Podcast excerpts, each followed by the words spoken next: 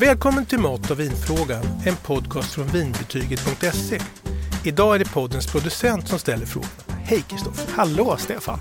I tidigare avsnitt har jag handlat om röda viner från de stora franska vinregionerna. Men idag har jag hört att det ska handla om det stora vinlandet Italien. Vart börjar vi då? Vi ska börja med alltså den främsta regionen, eh, Piemonte. Oh. Men det här är mycket och det är snårigt och det är svårt, det vill jag bara säga. Ja, ja men det kan jag tänka mig. Ja, det, här, det här kan jag inte mycket om, så det ska bli spännande att höra. Men du, kan vi börja med att ge en bild av Italien som vinland i det stora hela? Ja, först och främst så är ju det ett otroligt eh, gammalt eh, gediget vinland. De har ju, man talar om gamla och nya vinvärlden och här kan man verkligen tala om gamla vinvärlden. Man har gjort vin sedan 2000 år före Kristus. Och Själva landet är ju enormt långt. Va? Det är 120 mil och då växer det och odlas druvor hela vägen. Fast det är olika druvor mm. och det är olika jordmån och det är olika klimat. I norr då har du ju alper och där nere har du nästan Afrika, ja, så allt däremellan. Vi i Sverige gillar ju italienska viner generellt, mm. röda viner. Då. Det är på Systembolaget, om man tittar på sortimentet, så är det absolut flest röda mm. viner från Italien. Ja, mer än Frankrike alltså? Ja, så, så ser det ut. Men du, eh, vart är Piemonte i, i landet då?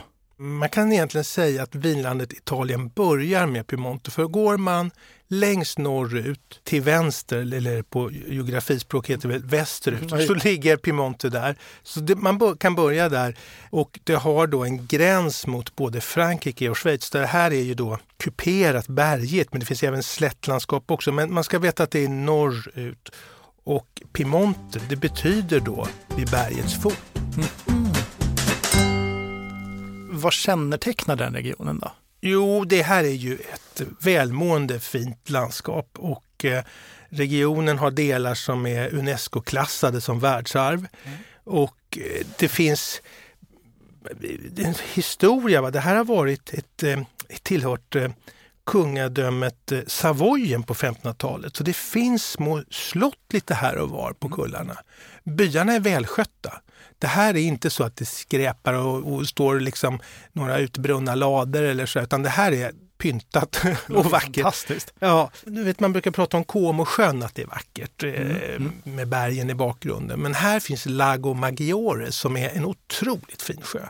Och jag skulle hålla den för vackrare. Mm, mm. Och i den, jag bara tipsar för det här. Men det hör man på namnet att det är vackert. ja, så finns det en ö ja. som heter Isola Bella, alltså den vackra Ja, ja okej, okay. det är där den ligger. Ja. Och på den ön, i stort sett hela ön, är ett slott. Mm där man det, man, det är gjort för att man ska kunna åka dit och gå runt och titta, främst i trädgårdarna och där går stora påfåglar och liksom sprätter och ser märkvärdiga ut. Och det här är ett väldigt trevligt resmål i sig, oavsett vad man, om man är vinintresserad eller inte. Mm. Och sen är det här, det här är en region som har råd. Va? Turin ligger ju här och de har ju du vet, det här fotbollslaget Juventus. Det är fint det. Ja, och då fick jag lära mig att Italien är det så att Bor man i Florens då håller man på Fiorentina och mm. bor man i Milano då håller man på Inter eller Milan och så vidare. Mm. Mm. Men har man inget Serie A-lag då håller man på Juventus. Så det är därför de har absolut flest supportrar.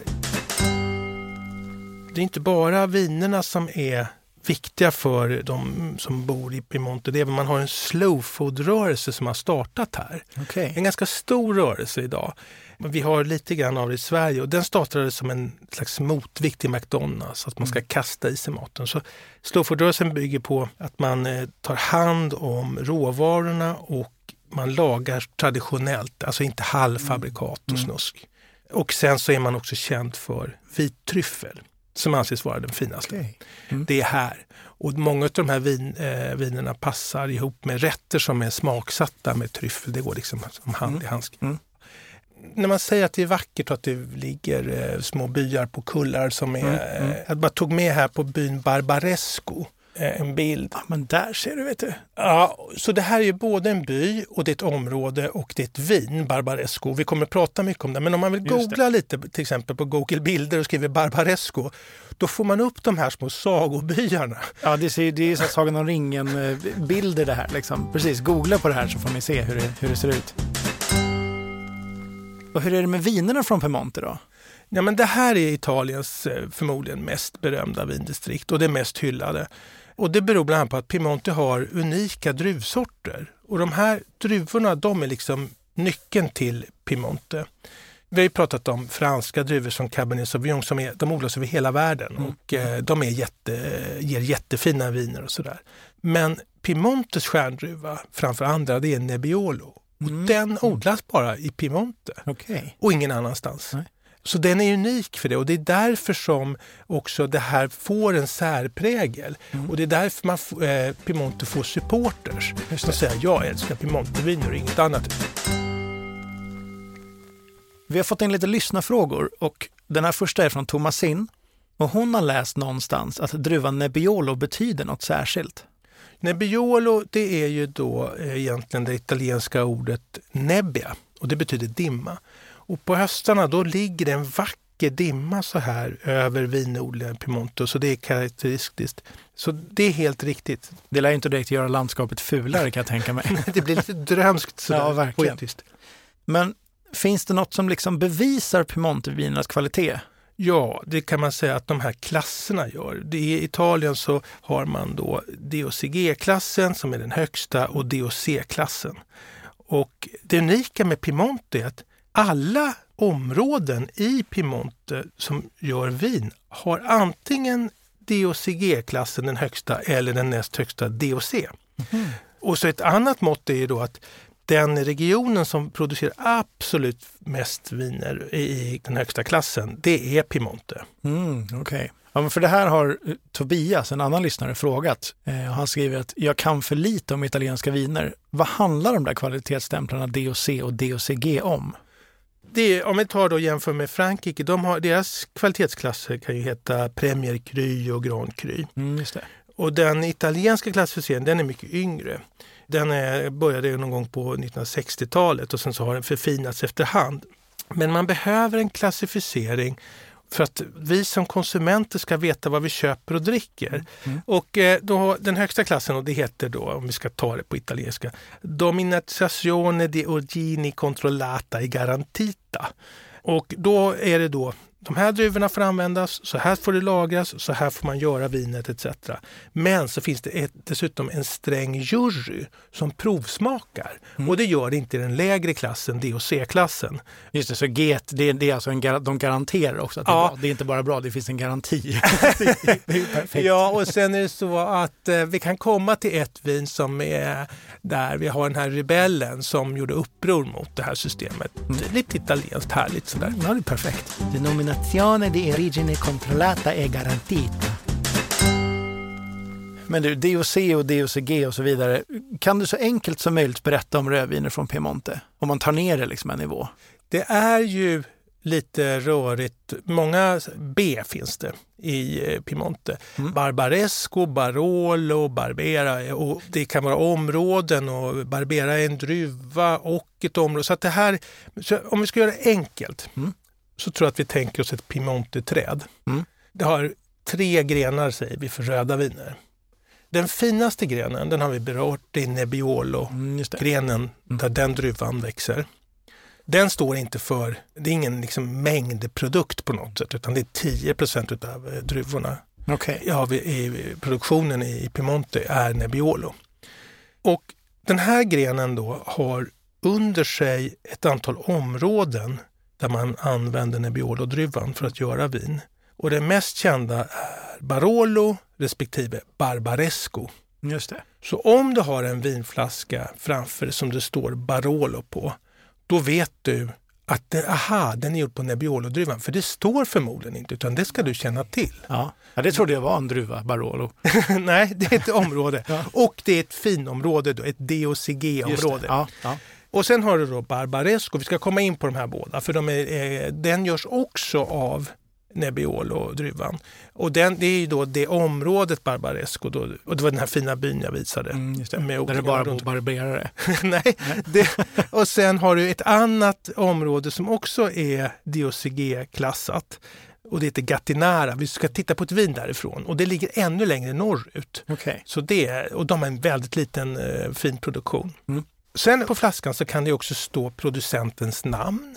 Det finns underregioner till till exempel Barolo, det finns sånt som heter eh, La Morra etc. Så till slut så förstår man systemet lite grann. Det. Men det kan ju vara så, vi säger att du är på krogen då, Mm. eh, och sen så säger de eh, ja till den här passar en Barolo. Om du då säger så här, nej jag dricker bara Nebbiolo. Ja, ja, Då- okej, ja. Det är sak som vi tog en annan gång med, med Chablis Chardonnay. Det är den fingrenen. Mm. Findruvan är Nebbiolo och eh, finområdena är Barolo, Barbaresco och Gattinara som använder den här druvan. Just det. Sen har vi då den andra druvgrenen och den heter Barbera. Och det är en eh, lite vardagligare druva kan man säga. Jag brukar kalla folkets druva. Mm. Det är en stor mängd odling. Det är 30 procent i Piemonte som är Barbera. Och det här är ett ganska trevligt vin. Och vissa säger att det är det här som man ska kika på om man vill göra fynd. Eh, vi kommer att titta på ett sånt också, eh, var det ligger prismässigt och sånt där. Men det, det kan du ta till eh, pizza och pasta och det, det är lite lättare. De här andra, Barolo och Barbaresco, det är ganska så fylliga saker med, Mm. med mycket strävhet. Mm. Och det har alltid varit så att det som är lite märkvärdigt eh, och, och lite svårt sådär, som man inte gillar första klunken kanske, eh, det får sina liksom, Mm. fans. Mm. Mm. Den tredje druvan, den behöver vi inte prata så mycket om, den heter Dolcetto. Det betyder Okej. den lilla söta och det finns några sådana viner. Det är ofta en stöddruva och den är, den är inte så märkvärdigt inringat som de andra är. Men den är söt. Ja, fast den, den är inte... Den är inte, inte nej, smakmässigt. nej, Den är bara nej. gullig. Ja. Så att eh, om du kan de här tre druvorna, Nebbiolo, Barbera och Dolcetto, Mm. då har du liksom täckt in där. Just det. Och sen så finns det då de här områdena som använder sig av druvan. Så att om vinerna från Barolo och Barbaresco görs av druvan Nebbiolo, vilken är skillnaden då? Ja, man brukar säga att Barbaresco är vinets drottning och Barolo dess kung. Det vill säga alltså Barbaresco det är en kvinnlig elegant mera. Medan Barolo är mera kraftigt och maskulin karaktär. Mm. Men det här, de här håller på att närma sig varandra så att det är inte så stora skillnader alltid. Tidigare var Barolo den absolut eh, självklara ledaren. Mm. Men idag så är Barbaresco är många som håller den eh, minst lika bra, kanske bättre. Så det här är också sånt som förändras lite över tid. Eh, om man tar då till exempel att båda de här har ändå uppnått en jämvikt vad det gäller status internationellt. Alltså Unesco har utsett båda regionerna, vinområdena, till eh, världsarv Okej. för att skydda det här. Så att det är någonting särskilt. Ja, men det leder mig ju utsökt in på frågan här från Thomasin. Jag har hört att det finns två huvudtyper av Barolo-viner. Traditionella och moderna. Ja, de traditionella gjordes tidigare med enorma fat på flera tusen liter. Och där låg vinerna och liksom fick sin kraft och, av druvskal och allt det här och, och jäste och så vidare. Så de blev väldigt sträva och speciella. Det gick inte att dricka dem direkt utan de skulle lagas kanske 10-15 år. Jag trodde du skulle säga späsa ut med vatten. Som whisky. Nej, och sen så har det då en, en motrörelse till det här. Man förstod att vi skulle kanske försöka göra någonting som är tillgängligt som man kan dricka direkt. Mm. Och det är då de här moderna och det görs på, eh, där lagas de på mindre fat, barriker Okej. som det kallas. Men även här så, och då var det det som gällde. Mm. Och det fanns liksom två olika lag i Piemonte. Eh, eh, man bråkade liksom, barnen som i skolan bråkade om, om deras föräldrar var modernister eller Ja, ja, ja. traditionalister. Ja, ja, det här var liksom, ja. Men det här börjar också närma sig varandra. Mm, mm. Och jag pratade med en om deras eh, Barolo och då sa jag, är det traditionellt eller är det modernt? Mm. Ja, det är mitt emellan, sa han. Ja, okej. Så att det är därför som, eh, om Thomasin, om det räcker som svar. Det, det knepiga är att man som konsument inte riktigt, det står ju inte. eh, Nej, Då får man titta okej. på strävhet, eh, alltså och utgå från de värdena, hur pass, eh, ja, pass Ja, tungt det är helt enkelt. Just det. Finns det någon riktigt ikonisk prestigeproducent då i Piemonte? Gaia heter ett familjeföretag i femte generationen. Det stavas bara G-A-J-A. Och inte G-A-I-A som jordmodern.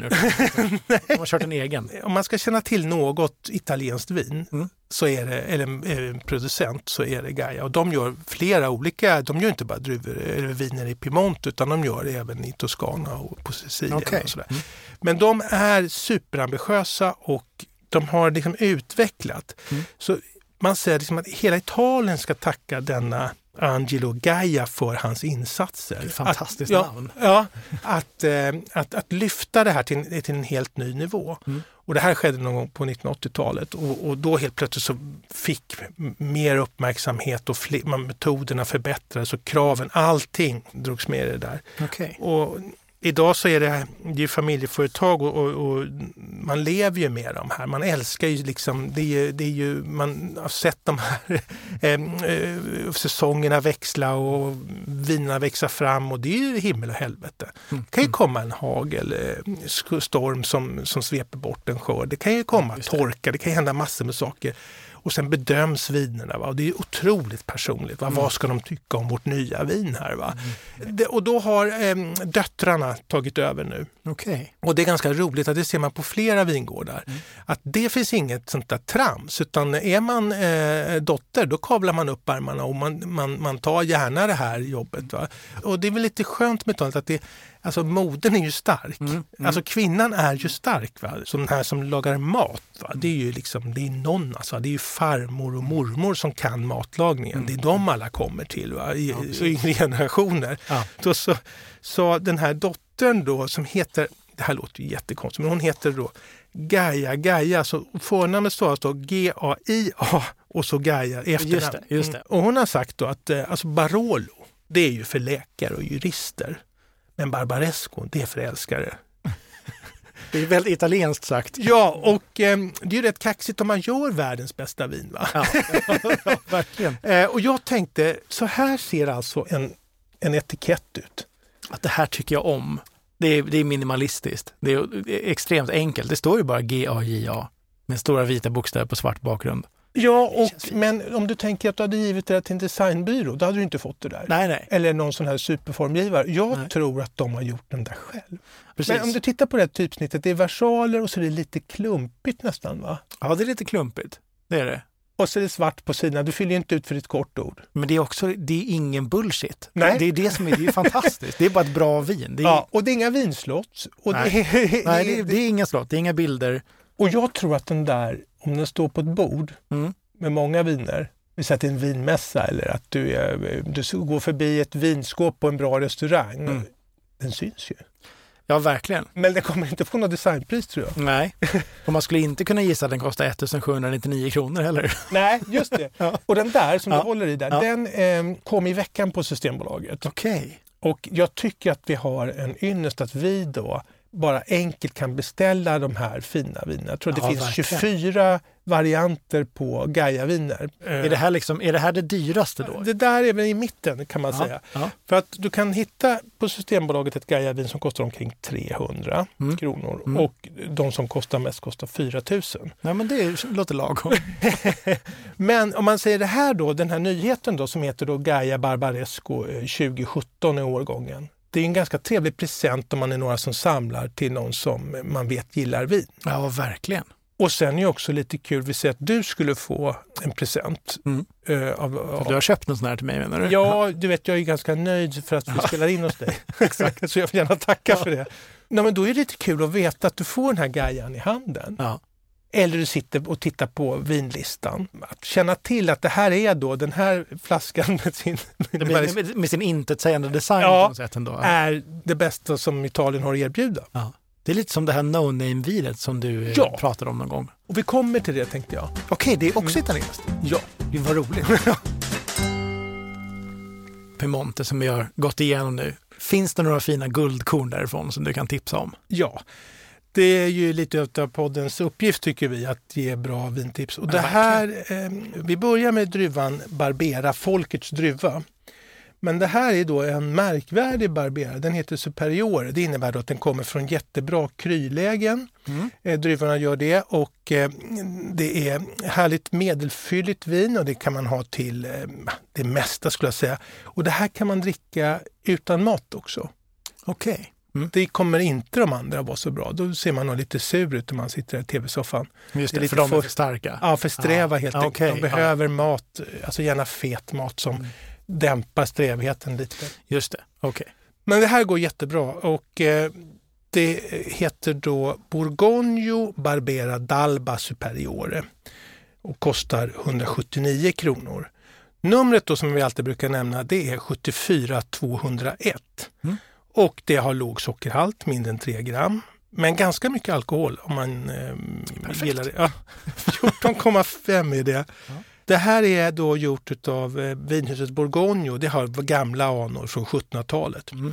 Vi hade ett avsnitt där det här no Ja, name-historien. ja, exakt. Det är samma vinhus, Borgogno. Och Borgogno, bara, det, det låter ju lite som Bourgogne i Frankrike. Ja, okej. det Men det är ja. något helt annat. Och de har, Bourgogne stavas ju med eh, ett O och ett U. Va? Här är bara ett O. Och de har hetat så här länge så att de, de kommer aldrig att vika sig om de bråkar med att det skulle vara någon eh, namnintrång där. Det här adderar ju på snårigheten helt enkelt. ja, lite grann. Men de får jättefina eh, utmärkelser för sina viner också. Mm. Men tillbaka till det här då. Andra Piemontevinet som, För nu, det här är alltså inte ett Barbera nu. nej, utan det här, fast det här är ju då Ja, den är här stränga Den juryn jag berättade om. Jag måste ta en bild på. Ja, men gör det. Det här har då en helt vit etikett och så står det bara no name på den. Ja, och så står det eh, producentens namn Borgogno. Och historien bakom det här det är då att den här vinmakaren Andrea Farinetti, han gjorde en eh, Barolo som han tyckte var utmärkt. Men den här juryn tyckte inte det. Okej. Och då så gjorde han eh, en etikett som det står då, etiketta di protesta. Just och det. det här säljer hur bra som helst. Och vänder man på det så står det Nebbiolo No Name 2016 i den här årgången. Då. Mm. Mm. Eh, och det här kostar 249 om jag minns rätt. Och det ska man också prova tycker jag för det är en bra Barolo verkligen Mm. för de pengarna. Så det, det här är, men, men huvudvinet här nu, för vi skulle ju, det är kul att kunna få prova lite olika viner Ja, från. Piemonte, olika typer och man kan göra så att man tar ett i taget eller också så gör man en liten miniprovning själv och så ser man skillnad. Vad man kommer upptäcka det är ju att många av de här vinerna är inte, även om de är sträva och starka i smaken eller har mycket smak, så är de inte alltid mörka i färgen. De kan vara lite ljusare. Mhm. Och så tror man att det här är nog ett lätt vin, men det är det inte. Nej. Och det gäller mest eh, Barolo. Då. All right. Det mest kända var Barolo, eller hur? Har du något sånt? Ja, det, No Name är också en Barolo, men det här är en annan fin producent som heter Vaira. Och eh, de heter GD Vaira om man ska vara noggrann. De är, har varit pionjärer inom ekologiska viner. Mm. Och redan 1971, va, det var ingen som pratade om det då, då började de ekologiska Okej. eh, viner. Och det här är ett jättefint trevligt vin som eh, kostar 269 kronor. De, de kostar, alltså Piemonteviner, det går inte att komma undan. Det finns Nej, några nej. billiga varianter men de tror man ska nästan hoppa över. Och det har ju också då en låg sockerhalt, under mindre än 3 gram per Mm. liter. Och lite svagare alkoholhalt, 13,5. Mm. Och det har då ett artikelnummer som är 2398. Mm. Och det här det har växt då, druvorna har växt på liksom 480 meter. Du kan ju tänka dig att skörda, det är inget enkelt jobb. Nej. Den måste ha stor passion för att klara det här. Ja. Och sen är det lite intressant att varför de här druvorna ger så mycket bra vin. Mm. Eh, En förklaring som brukar ges är att nätterna är kalla och Mm. dagarna är varma och det är bra. Då blir det en bra koncentration Okej. i druvorna Mm. än att det bara vore varmt hela tiden. Okej. Det här är ett matvin och eh, om man är då i eh, Piemonte då tycker jag man ska eh, äta risotto. Det tycker jag också. Ja, och är man hemma ska man göra det också. Ja. Och det kan man göra med svamp och man kan variera hur som helst. Ja. Och eh, tryffel har man det så är det bra. Och vissa säger så här, ja men jag vill gärna ha ett kraftigt vin till grillat. Mm. Säger vi då.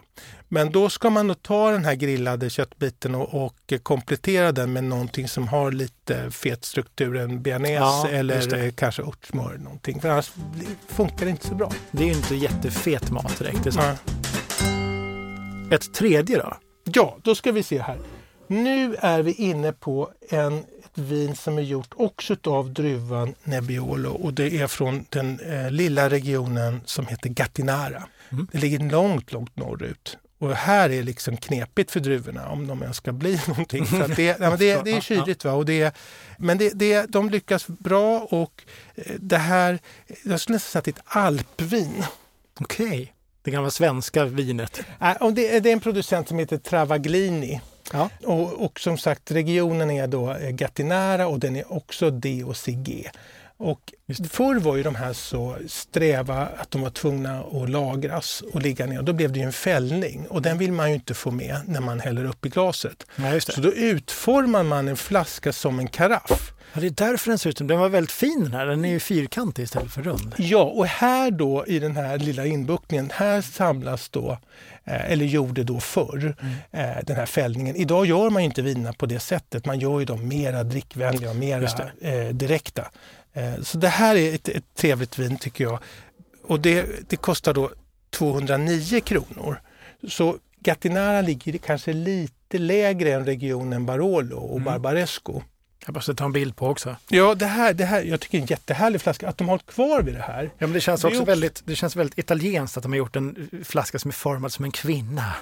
nej, men nej, nu tror jag du läser in det där Kristoffer. Ja, ja, okay. den, den, är gjord som en karaff. Ja, det, ja, jag, förstår. Och det här är också trevligt om du har ost till exempel som, som har lite sälten parmesan så det är supergott. Just det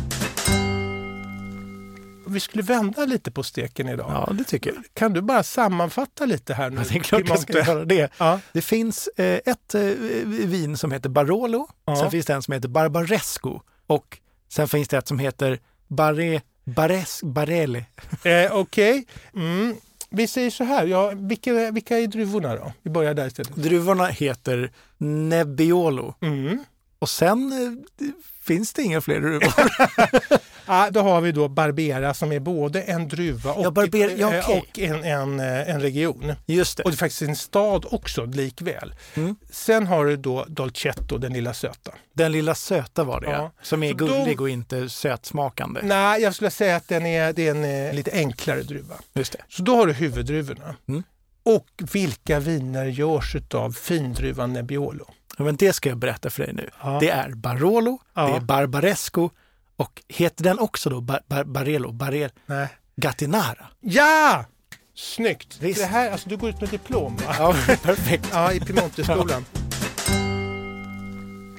Vi kommer ju då naturligtvis att lägga upp de här vinerna med eh, kanske dina bilder också. Mm, ja, det tycker jag. Men eh, pris, artikelnummer mm. och eh, lite information om vinerna. Mm. Vi kommer kanske att eh, lägga till eh, lite matchning, lite pairing, vad det mm. passar till. Mm. Och som vanligt så har vi länkat i avsnittsbeskrivningen då, som man enkelt kommer till på vinbetyget.se. Just det. Och eh, då får jag väl helt enkelt, eh, det är, det är min tur att säga tack för den här gången, Stefan. Jag tackar dig för ett eh, utmärkt inhopp. Ja, men, varsågod. det kanske blir fler. Ja, det hoppas jag. Och vi tackar alla som har lyssnat som vi brukar. Ja, så ja. hörs vi nästa gång. Vi hörs snart igen. Har du frågor om mat och vin? Alla frågor är välkomna. Maila till mig på stefanvinbetyget.se